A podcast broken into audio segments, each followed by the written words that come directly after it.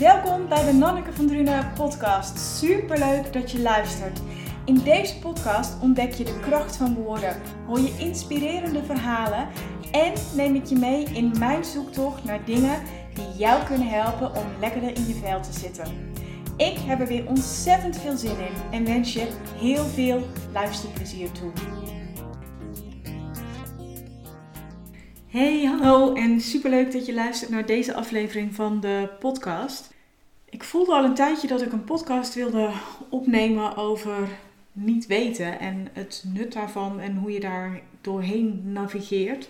En hoewel ik voelde dat ik een podcast erover op wil nemen, nadat ik eenmaal op uh, record heb gedrukt, denk ik ook een beetje: oké, maar waar ga ik het dan over hebben? En weet ik eigenlijk wel waar ik het over heb. Maar ik heb zoveel reacties ook op Instagram stories gehad toen ik deelde dat ik in het niet weten zat van mensen die dat herkenden. Dat ik dacht: weet je wat, ik, ik druk gewoon op uh, opnemen en ik kijk wel wat, wat eruit komt en misschien heb je er iets aan. Want zo heeft het de afgelopen weken, eigenlijk maanden, heeft het wel voor mij gevoeld. Zodat ik in een heel groot niet weten zat op allerlei vlakken. En eigenlijk best ook wel grote dingen. Ik zal ze ook benoemen hoor, de dingen waar ik in niet weten zat. Aantal hangen ook met elkaar samen. En de eerste is natuurlijk dat we begin eh, augustus hoorden dat mijn schoonzus uitbehandeld is. En ik net anderhalve week, denk ik, daarvoor, twee weken daarvoor, mijn ticket terug had geboekt naar Australië. Ik zou ehm, eind augustus weer in het vliegtuig zijn gestapt voor zo'n 11 uh, weken. Ik zou op um, ehm, 10 november teruggekomen zijn. Maar doordat ja, mijn schoonzus dus aangaf dat ze uitbehandeld was, voelde het voor mij niet goed om, om terug te gaan naar Australië. Tenminste, niet op dit moment. En dat zijn dus meteen al twee dingen die hand in hand gaan in het niet weten.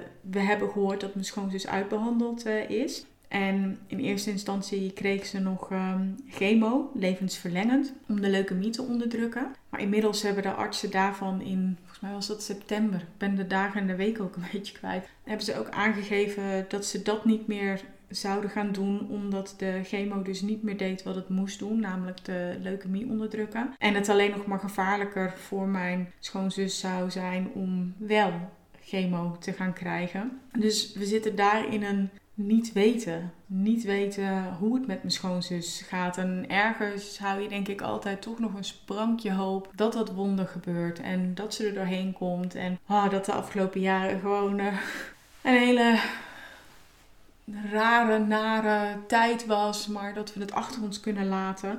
En aan de andere kant ligt steeds ook natuurlijk dat andere op de loer. Dat het niet zo is. En dat we echt afscheid van moeten gaan nemen. En ja, wanneer dat gaat zijn, dat weten we natuurlijk ook niet. Maar elke keer als er dus weer zoiets gebeurt, hè, je hebt het bericht dat ze uitbehandeld is, dan het bericht dat de levensverlengende chemo wordt gestopt. En nu bijvoorbeeld uh, ja, dat ze naar een hospice is gegaan, waarvan ze steeds zelf nog hoopt dat ze daaruit gaat komen.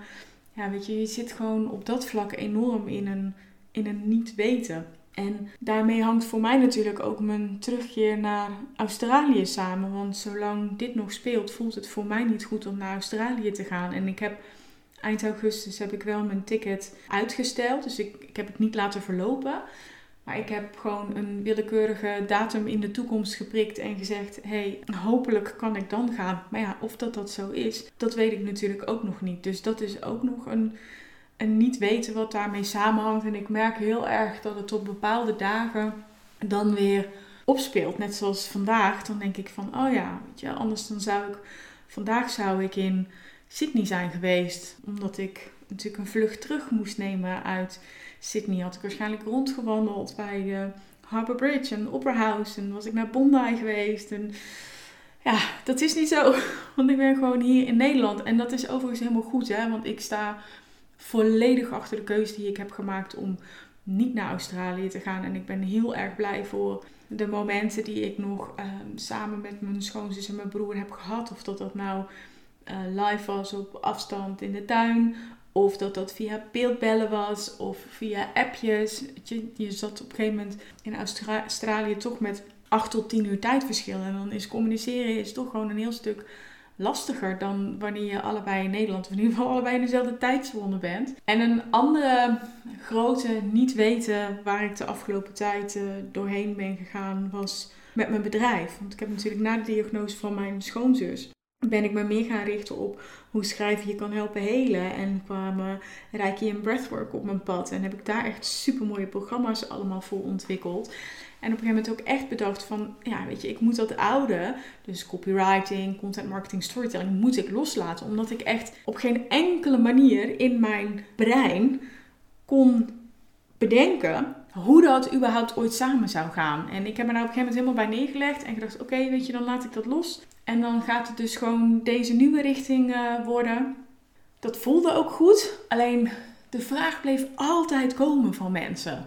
Ja, maar Anneke, je laat dat toch niet helemaal los. Dat, dat copywriting en content marketing en storytelling, dat vond je zo leuk en dat kun je zo goed en dat zou toch zonde zijn. En dan zei ik ook als ja, dat is het ook. Weet je, en ik gebruik het sowieso ook nog altijd voor mijn eigen bedrijf. Maar dan was mijn antwoord ook altijd ik zie gewoon niet in hoe ik het, hoe ik het kan combineren. En het viel me vooral op dat de laatste paar maanden, dat die vraag steeds weer meer kwam van ja, maar Nanneke, je laat het toch gewoon niet los. Weet je, dat, dat is zo mooi. En ja, weet je, dat moet je gewoon ook blijven doen. En nogmaals, ik zag steeds niet in hoe ik dat zou kunnen doen. En ik heb een tijdje terug, toen was ik net terug uit uh, Australië, ik denk in juni, begin juli, heb ik ook een uh, gesprek gehad met een coach. En die zei op een gegeven moment, ja Nanneke, jij moet je gewoon uh, gaan richten op ademwerk. Dat als je niche kiezen. En dan, ehm, als het even, even kan, ook naar corporates toe, want daar zit natuurlijk het geld. En ik dacht, oh man, nee, voelt gewoon zo niet goed. Maar ik wist ook niet wat het wel was. En ik had het met haar bijvoorbeeld gehad over een niche kiezen van projectors qua human design, omdat ik dat zelf ook ben. Maar zij zit niet zo in de human design hoek, dus die vond het helemaal niks. Die zei, nee, dat moet je niet doen en dat is onbekend en uh, dat zou ik vooral uh, niet doen. Dus dat was ook weer zo'n worsteling, omdat zij een hele duidelijke voorkeur had. Maar ik echt voelde van, ja, maar dat wil ik helemaal niet. Daar word ik helemaal niet gelukkig van. Weet je, ik vind ademwerk vind ik een fantastische tool. Maar om daar nou mijn core business van te maken, nee, dat voelde ook weer niet goed. Al vind ik het echt fantastisch hè, om sessies te begeleiden. En ook één op één offline doe ik ze wel eens. En ook online. Ik vind het echt een hele mooie tool. Zeker in combinatie ook met Reiki. Maar zoals ik al zei, daar de focus van maken, nee, dat voelde ook niet goed. ik zat nog steeds met, ja, maar ik weet niet hoe. Op een gegeven moment vielen er wel wat kwartjes. En dat ehm, was vooral denk ik begin augustus, toen ik zelf instapte in een programma wat ook specifiek gericht is op, uh, op projectors. En ik had het al eerder voorbij zien komen, maar toen was ik in Australië en toen dacht ik, ja, maar dat is helemaal niet handig om nu in te stappen.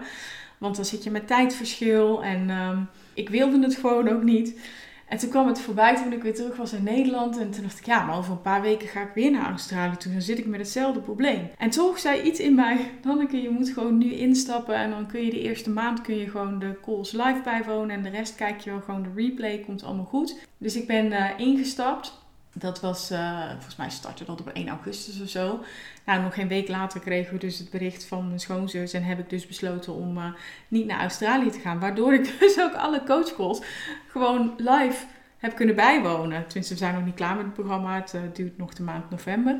Dus dat heeft ook zo moeten zijn. En ik denk dat dat ook een van de dingen is die ik de afgelopen tijd ook heb gemerkt. En wat mij heel erg heeft geholpen in het niet weten, is daar oké mee zijn en er niet tegen gaan vechten. Wat ik in het verleden wel heel vaak heb gedaan, dat ik dan toch maar keuzes ging maken of knopen door ging hakken of dingen ging doen om zo hopelijk meer helderheid te krijgen. En nu heb ik echt voor de aanpak gekozen van nee, weet je, het, het mag er zijn, ik laat het zijn. Wanneer er een antwoord komt, dan komt het. En daardoor zijn er wel hele mooie dingen gebeurd. Kijk, met mijn schoonzus weet ik het nog steeds niet. Maar wat dat me heel erg brengt, dat niet weten, is echt dag voor dag gaan. En zoveel mogelijk in het moment proberen te zijn. En als we contact hebben of als we elkaar zien, om dan ook echt quality time met elkaar door te brengen. En goede gesprekken te hebben. En weet je, de dingen te zeggen die, die je wil zeggen. En het is zo jammer hè, dat we daar heel vaak mee wachten totdat we weten dat iemand er niet meer zal zijn. Totdat we dingen zeggen die we misschien wel zouden willen zeggen, maar soms niet durven te zeggen. Of vragen stellen die we soms moeilijk vinden om te vragen. En ik heb het de afgelopen periode met mijn schoonzus en mijn broer allemaal gedaan. Ik heb gezegd wat ik wilde zeggen. Ik heb gevraagd wat ik wilde vragen. En dat betekent niet dat ik nog heel graag 40 jaar met mijn schoonzus zou willen hebben om nog heel veel meer mooie gesprekken met, met haar en met mijn broer te voeren. Maar als dat ons niet gegund is, weet je, dan heb ik in ieder geval uitgesproken wat ik uit wilde spreken. Dan heb ik gevraagd wat ik wilde vragen en gezegd wat ik wilde zeggen. En dat, je, dat, dat is intens en niet altijd makkelijk, maar het is ook heel erg mooi. En dat heeft me in die situatie wel heel erg geholpen. En het heeft er ook voor gezorgd dat ik naar andere mensen ook meer dat soort dingen ben gaan uitspreken. Gewoon tegen iemand zeggen van, weet je, ik hou van jou. Of ik denk aan je. Of weet je, dat soort dingen. Of, of gewoon een vraag stellen waarvan je misschien denkt van, oh, maar kan ik die wel vragen? Of, nou, vraag het. Weet je, het is nog steeds aan die ander om daar dan antwoord op te geven. Of niet. Dus dat helpt mij wel heel erg in, in de situatie rondom mijn schoonzus. Zoveel mogelijk proberen in het nu te zijn. Niet te gaan nadenken over uh, what ifs. Want ik heb het allemaal toch niet onder controle. En zo kan ik het beste maar zoveel mogelijk go with the flow gaan. En Australië ook. Australië loopt niet weg. Ik weet dat ik terug ga. En daar is ook het hele mooie. Dat ik ook denk dat het misschien wel zo heeft moeten zijn. Want ik ehm, zou daar begin september eigenlijk twee breathwork sessies hebben gefaciliteerd. En ehm, ik heb op de boerderij heb ik uh, Tessa ontmoet. Zij is een Duitse en daar heb ik nog uh, heel regelmatig contact mee. En op 8 september zou de tweede sessie breathwork ehm, zijn. Dan kreeg ik een voice appje van haar. En zei ze, Nanneke, ik wilde je even laten weten dat ik aan je denk. Want je zou vandaag uh, breathwork sessies hebben gegeven als je hier zou zijn. En uh, weet je wat? Ik heb de groep gezien en ik denk niet dat dit jouw groep was. Ik denk dat het echt zo heeft moeten zijn dat je nu hier niet bent. Hoe graag ik ook had gewild dat je hier zou zijn. Maar dat de volgende keer als je terug bent, dat het dan beter is, beter klopt. Dat de groep klopt bij jou. En op de een of andere manier hielp dat wel. Om haar te horen zeggen van, weet je, het is met een reden dat je nu niet hier bent. En dit is gewoon niet jouw groep. En weet je, we moeten het gaan zien. Hè? Ik heb natuurlijk helemaal geen idee of dat de volgende groep wel bij me gaat passen. Maar er is maar één manier om daarachter te komen. En dat is om terug te gaan en het dan te gaan doen. Maar dat, dat hielp me wel. En dus echt dat ook voor ogen te houden. En te denken, weet je, er zal wel een reden zijn waarom ik nu niet terug ben gegaan naar Australië. En dat de volgende keer dat ik daar ben, dat het dan zo heeft moeten zijn. En dat ik achteraf ook denk, ja, zie je wel, dat, dat heeft zo moeten zijn. Ik weet niet of dat je dat herkent hoor, maar dat heb ik wel vaker.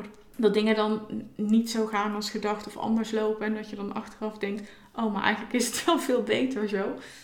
Dus, dus dat helpt me daar heel, erg. Gewoon erop vertrouwen dat het, dat het met een reden gebeurt. En dat het goed is zoals het is en zoals het gaat. En dat is niet altijd makkelijk, hè? Want net zoals wat ik net ook zei, weet je, op zo'n dag als vandaag dat ik weet dat ik anders in Sydney was geweest. Ja, dat doet wel echt iets met me. En ook dat er gewoon laten zijn. Dus als dat verdriet er is, om dat niet weg te stoppen, maar om dat gewoon te voelen en dan tools in te zetten die me daarbij helpen. Journalen bijvoorbeeld, ademwerk. Ik heb gisteren nog een uh, ademwerksessie gedaan uh, voor mezelf. Gewoon bewegen, in de natuur zijn, huilen als dat nodig is, geluid maken. Weet je, het zijn allemaal gevoelens en emoties die, um, die er niet voor niets zijn. En dat is ook in de situatie met mijn schoonzus. Gewoon lekker laten gebeuren, uh, lekker toelaten. Gewoon feel the feelings, want feeling is healing. En ook dat is niet altijd makkelijk, hè? Ik ben de eerste die dat zal toegeven. Maar um, ik denk dat het wel beter is voor mij en ook voor andere mensen. En dan qua werk. Ja, ik moet wel zeggen dat doordat ik dus in ben gestapt in dat programma in augustus, daar zit ook een combinatie in van elementen die ik misschien voorheen niet bij elkaar had bedacht. En dat zette bij mij allemaal luikjes open. Dat ik dacht, oh, maar misschien kan het wel. Misschien kan ik wel dingen combineren waarvan ik voorheen dacht dat dat onmogelijk was. Hoe voel ik me daar dan over? Is dat dan ook iets wat ik zou willen? En daar heb ik dus ook echt de tijd voor genomen om dan te gaan voelen. Maar hoe zou het voor mij zijn om dus copywriting, content marketing, storytelling, messaging te combineren met mindsetwerk, uh, met ademwerk, met reiki. En hoe meer ik daarover nadacht, hoe enthousiaster ik daar eigenlijk van werd. Want ik heb uh, voorheen heb ik een programma gedraaid, Sensa. En daarmee leer ik mensen sensationele teksten schrijven. Echt gericht dus op copywriting en content marketing, storytelling. Uh, was ik de Schrijf- en Storytelling Academie. Daar was uh, Senza zeg maar de afkorting voor.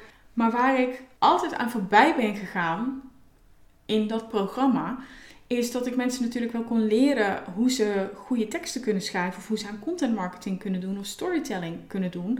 Maar als ze dat vervolgens niet doen, vanwege conditioneringen of omdat ze bang zijn, kan ik je leren hoe je de beste teksten schrijft. Maar als je vervolgens die teksten niet gaat plaatsen, of je jezelf heel erg gaat censureren omdat je bang bent dat mensen daar een mening over hebben, of dat je uit de tribe wordt gestoten, of wat dan ook je angsten kunnen zijn. Hè? En je gaat dus vervolgens die teksten niet delen, ja, dan heb je er natuurlijk heel erg weinig aan om zo'n training te gaan volgen. En toen dacht ik ineens van, oh, maar het is juist super krachtig als ik dus mensen leer hoe ze, zeg maar, magnetic messaging kunnen doen. Dat ze dat dus kunnen, dat ze die tools in handen hebben, maar dat ze ook weten dat als ze zichzelf dus belemmeren, als ze zichzelf tegenhouden door de verhalen die ze zichzelf vertellen, dat ze daar ook tools voor hebben om die conditionering los te laten, om die verhalen om te buigen. Niet alleen in het brein, maar dus ook in je lijf. Door de inzet van breathwork en reiki bijvoorbeeld. Zodat je op alle lagen, dus echt fysiek, mentaal, emotioneel, dat je op al die lagen gaat werken om dus ervoor te zorgen dat het gewoon gaat werken. En ik zit nu dus zelf in een container met alleen maar projectors. En het is zo fijn om in zo'n groep te zitten en het te herkennen. Weet je, ik als projector zal nooit exact snappen hoe het is om als generator of manifesting generator of reflector door het leven te gaan. Ik kan me er een voorstelling van maken en ik kan natuurlijk bepaalde dingen wel snappen. Hè. Ik ben een 2-4, dus als ik een andere 2-4 ontmoet die bijvoorbeeld een generator is, dan snap ik echt wel hoe het 2-4 deel zeg maar zit. Maar als generator zul je nooit snappen wat het is om als projector te moeten wachten op de uitnodiging en hoe frustrerend dat kan zijn, maar ook hoe enorm fijn dat kan zijn. Want als je dus leert wachten op die uitnodiging, dat het dan betekent dat je je spaarzame energie, vooral voor iemand zoals ik als een classic projector, dat je die dus bewaakt. En dat je niet zomaar iedereen je energie meegeeft en vervolgens echt helemaal bitter en lusteloos op de bank hangt en denkt: what the fuck, weet je? Heb ik allemaal goed advies gegeven aan mensen en ze doen er geen zak mee. En dan komen ze vervolgens komen ze klagen dat het leven allemaal shit is. Terwijl ik denk: ja, maar ik heb jou heel goed advies gegeven als je daar nou eens iets mee doet. Weet je, in plaats van dat je iemand jou dus vraagt om je, om je guidance en jij advies geeft en iemand daar iets mee doet. En dat merk ik dus ook heel erg in die, ik moet wel zeggen, het is natuurlijk een bubbel hè, maar in die bubbel waar ik nu in zit, dat het zo fijn is dat je die herkenning bij elkaar hebt. En dat je ook steeds meer denkt van, oh, maar dat heb jij dus ook. Oh, maar dat heb jij omdat je bijvoorbeeld een 3-5 bent. En ik heb dit omdat ik een 2-4 ben. Voor de mensen die niks van human design weten. Uh, ik ben geen human design expert, hè, maar uh, dat soort dingen zegt ook weer heel veel over je. Maar wat dat programma dus voor mij deed, is dat het ineens puzzelstukjes in elkaar liet vallen. Dat ik dacht, oh, maar ik, ik kan dus wel dingen combineren waarvan ik altijd heb gedacht dat het niet kon. En dat het vooral ook kan als ik me dus op projectors ga richten. Ook omdat ik die natuurlijk het beste ken, omdat ik dat zelf ben. En ook voor projectors. Het heel vaak anders werkt. Je hebt heel veel generators en manifesting generators die dus anderen leren hoe ze uh, bijvoorbeeld sales kunnen doen en funnels en copywriting. En ik heb heel veel van die programma's gevolgd. Ik heb ook allemaal toegepast. Heel veel dingen voelden echt zo. Maar ik heb het gedaan, want het werkte voor die mensen. Waarom zou het niet voor mij werken? Nou, als projector werkt het dus toch gewoon anders. Door je blueprint, door hoe je energetisch werkt en in elkaar zit. En als je dus dingen gaat doen die je zou moeten doen, dat dat van impact is op je, op je energie, op je aura. En dat dat dus heel erg repelling, afstotend kan gaan werken voor anderen. Dus vielen daar ook ineens heel veel dingen voor mij op zijn plek. Dat ik dacht, oh, maar daarom werkte dat dus niet. Weet je, dan kon ik nog zo'n goede kopie hebben geschreven. Maar dan was dus het energetics part was, was gewoon wat niet klopte. En toen dacht ik, ja, maar dat is natuurlijk heel erg cool. Want ineens zette het ook die hele zoektocht, denk ik, die, die ik zelf de afgelopen periode heb gehad. Dat was al gaande voor de diagnose van mijn schoonzus, maar dat, dat heeft wel versterkt dat het allemaal in elkaar viel. Weet je, de behoefte aan, aan self-care, wat natuurlijk voor projectors, zeker als je geen motoren hebt, heel erg belangrijk is. schrijven om je te helpen helen. Dus om shit los te laten, zodat je bitterheid loslaat en je dus magnetischer wordt als, als projector. Ook de hele zoektocht uh, naar meer dankbaarheid en hoe Reiki mij hebben geholpen en hoe ademwerk mij hebben geholpen en nog steeds helpen. Weet je, ook daar weer om energetisch gewoon dingen los te laten, maar ook om energetisch dingen te kunnen dragen. En we willen allemaal als ondernemer een post die viral gaat. Ik heb het gehad in augustus en toen die eenmaal over de 50.000 views heen was, tot die 50.000 ging het nog wel. En toen merkte ik dat mijn hele zenuwstelsel van slag raakte. Toen ik dacht, ja, weet je, als projector wil je heel graag gezien worden. Maar dat was wel ineens heel veel zichtbaarheid. En wat zouden mensen daarvan vinden? En dadelijk zouden ze uh, lullige dingen over me gaan zeggen. Of weet je, zou ik uitgestoten worden of wat dan ook. Dus ik ben echt serieus een hele vrijdagavond en zaterdag bezig geweest om mijn zenuwstelsel te kalmeren. Door te journalen, door te tappen, door breathwork te doen, door mezelf reiki te geven, door er met mensen over te praten. En ik ben zo blij dat ik die tools heb. En ik, oh, het lijkt me zo gaaf om dat dus ook met anderen te delen. Dus eigenlijk alle kennis en kunde die ik de afgelopen jaren op heb gedaan als copywriter, als storyteller, als content marketeer, als breathwork facilitator, als Reiki master, alles wat ik heb geleerd over energetics, over mindset, over magnetic messaging, om dat dus bij elkaar te brengen voor projectors, zodat zij leren hoe ze echt super goede teksten kunnen schrijven, hun verhaal kunnen vertellen, maar dus ook energetisch zorgen dat ze magnetisch worden en dat ze al het succes, want dat is de, de signature voor projectors, dat je dat ook kunt dragen qua lijf, fysiek, mentaal, emotioneel. Ik zou willen dat je mijn gezicht zou kunnen zien. Ik um, ben, het was twee weken geleden, geïnterviewd door iemand uh, voor een podcast. En zij zei ook van als jij hierover begint te praten, dan begint heel je gezicht te stralen. Ja, ik zou echt willen dat je het zou kunnen zien. Dus er zijn de afgelopen periode qua werk heel veel puzzelstukjes op elkaar, in elkaar gevallen. Ik heb daar knopen in doorgehakt. Ik vind het super spannend om dat dus ook te delen en deze richting op te gaan. Maar wel spannend in de exciting manier. Niet zo van spannend, ik wil nu alleen maar in bed blijven liggen met de lakens over me heen. Want ik durf de wereld niet meer in. Dus dat. Qua Australië zit ik nog steeds in een niet weten. Qua situatie met mijn schoonzus zit ik nog steeds in een niet weten. En dat is oké. Ik, ehm, wat ik al zei, ik ga gewoon dag voor dag. Ik beweeg mee met wat er komt. Als er emoties zijn of gevoelens, dan heb ik tools om me daar doorheen te helpen.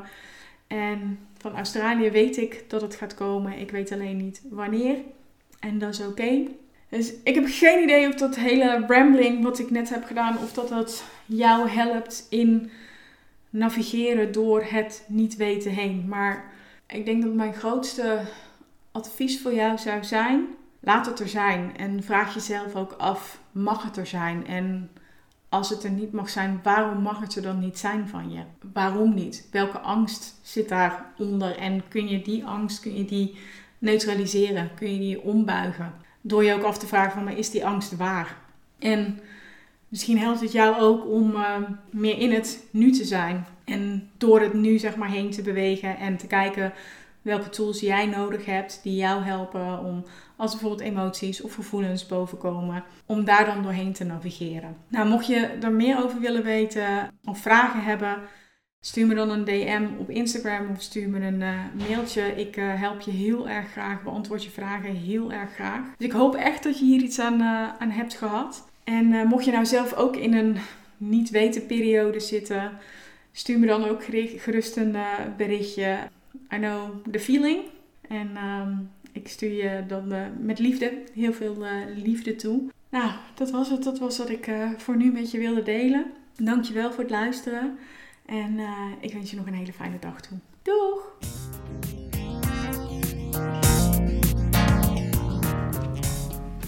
Dankjewel dat je luisterde naar deze aflevering van de Nanneke van Drunen podcast.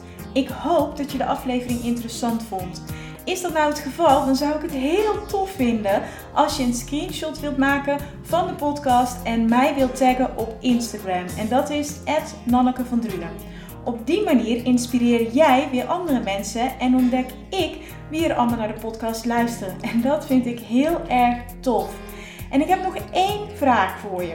Ik maak echt met heel veel liefde en plezier gratis content voor jou. En ik zou het heel fijn vinden als je één dingetje voor me zou willen doen. En dat is een review voor me achterlaten op iTunes.